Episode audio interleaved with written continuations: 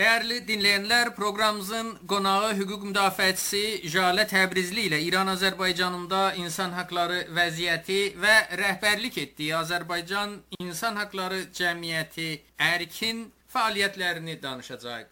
Jalə xanım, siyasi məhbusların vəziyyətindən başlayaq. Tehranda və İran-Azərbaycanında həbsdə olan türk fəallar Təbrizdə Ruzbeh Piri və Tehranda Türk Dil Haqları fəalı Tohid Əmir Əmini.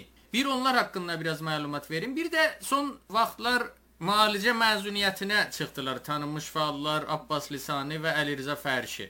Bəli, salam deyirəm sizə Əli Rza bəy və bizi eşidənlərə salam deyirəm. Sağ vaxtınız xeyir olsun. Bəli, məhbusda olanlarımız bizim indi elə sizə elə axırdan başlayacağam.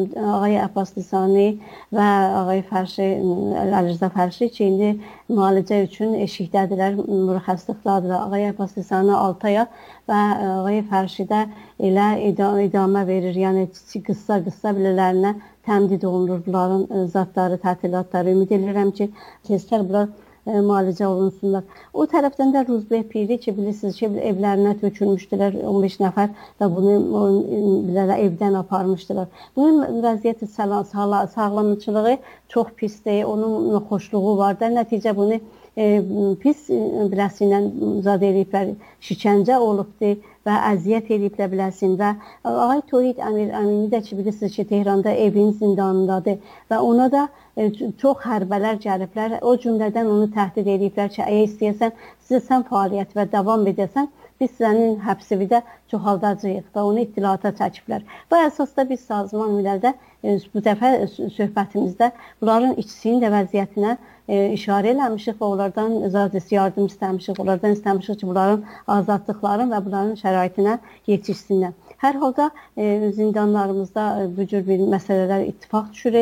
Az cümlə dedim də bu o, o fəallarımıza və və hər hal indi biz e, gözlətirik görək ki, e, nə cür olacaqsa sazman illərinin tərəfindən nə qədər bu məsələni yeri tutacaqlar. Ona biz güzariş də vermişik Cavid Rəhmana. Cavid Rəhmanın e, öz ekibindən bizə güzariş gəlibdi, cavab gəlibdi ki, biz bu məsələnin təlaş edirik, dalısını tutaq.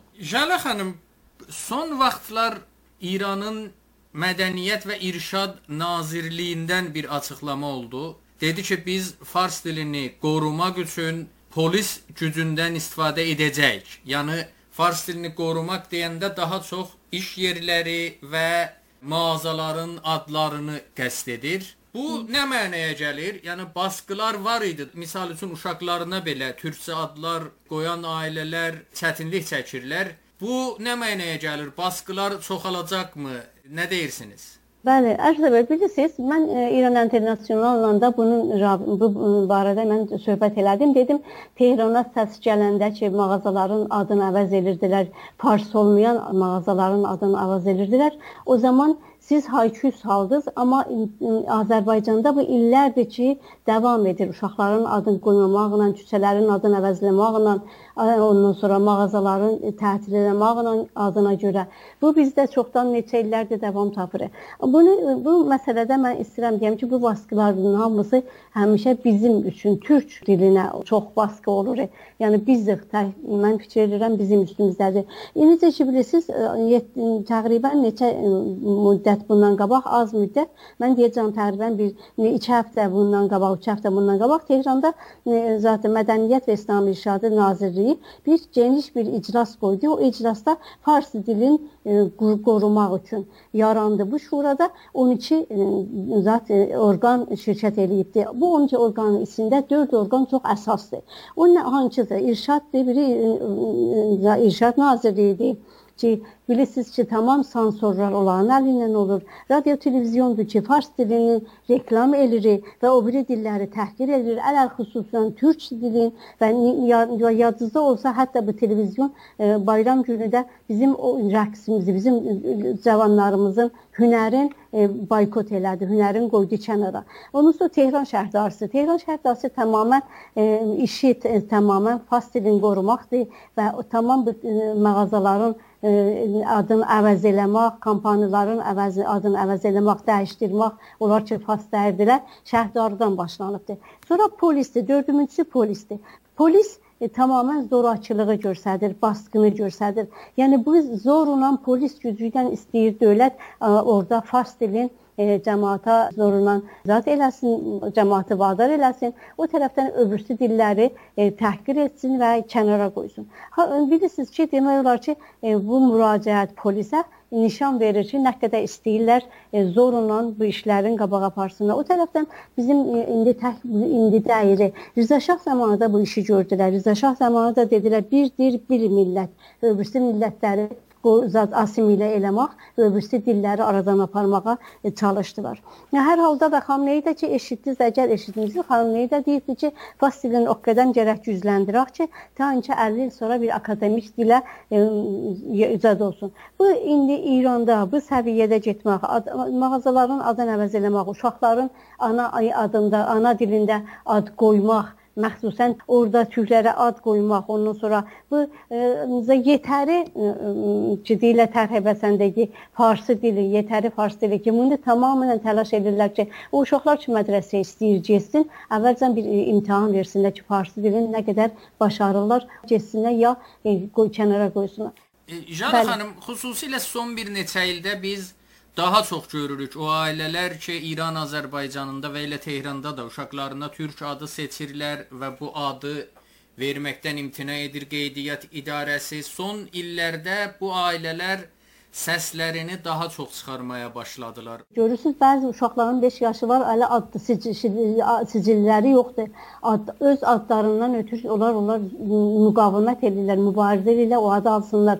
İndi də görürsüz ki, çox uşaqlara da məcburiyyətdən veriblər. Hər nəqdən bunların baskıları çoxalır. Bizim tərəfimizdən də bizim də müqavimətimiz, durmamız, dayanmamız da çoxalır. Yəni bunlar açıq bizlə ırğıçılığa başlayıblar. Yəni bir zaman onları çox gizlin surətdə idi ırqıçılıq, ondan sonra bu ayrı seçkinlik. Amma indi ayrı seçkinlik, ırqıçılıq bizlə üz, biz, bunlar üzbə üzə çıxırlar bizlə.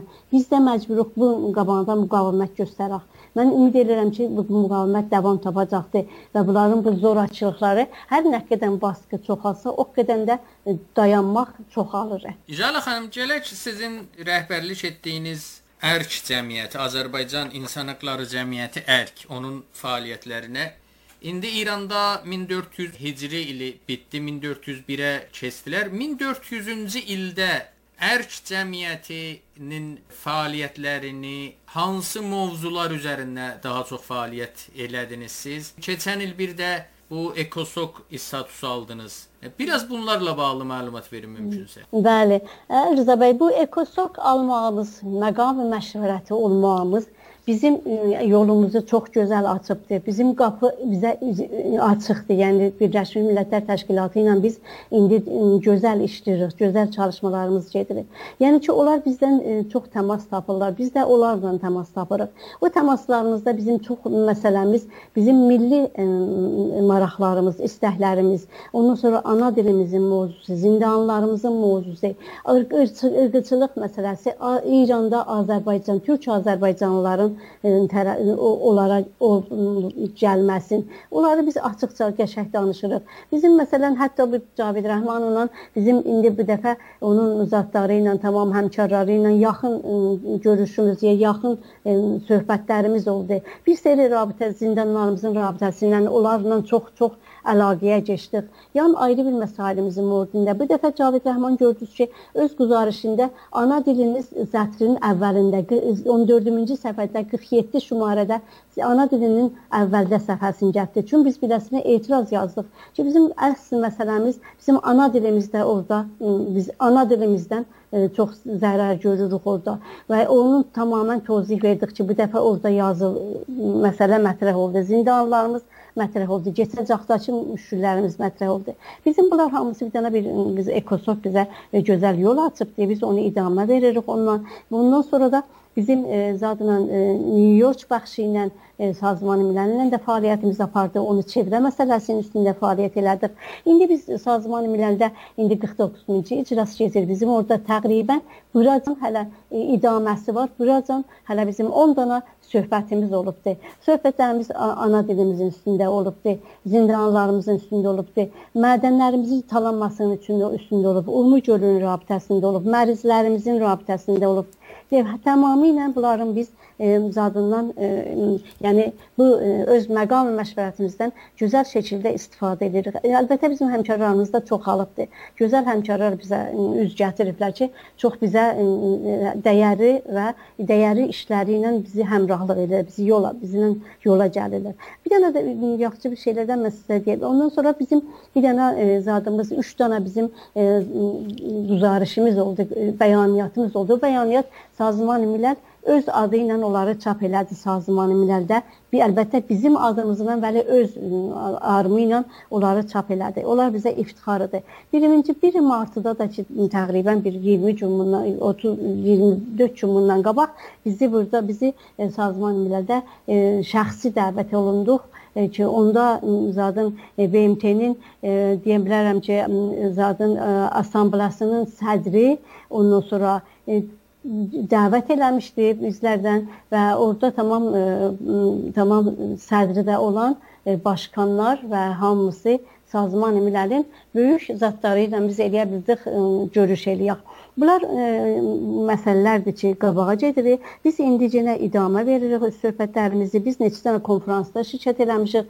Az cümlə bir dənə bizim həmkarlarımız bir konfrans beynəlmiləli sahəsində bir konfransda ki, güzarışlar verəcək azlıqlar milli və dil e, azlıqları üçün özü huzuru var idi. Onda biz şirkət elədik, ona güzarış verdik.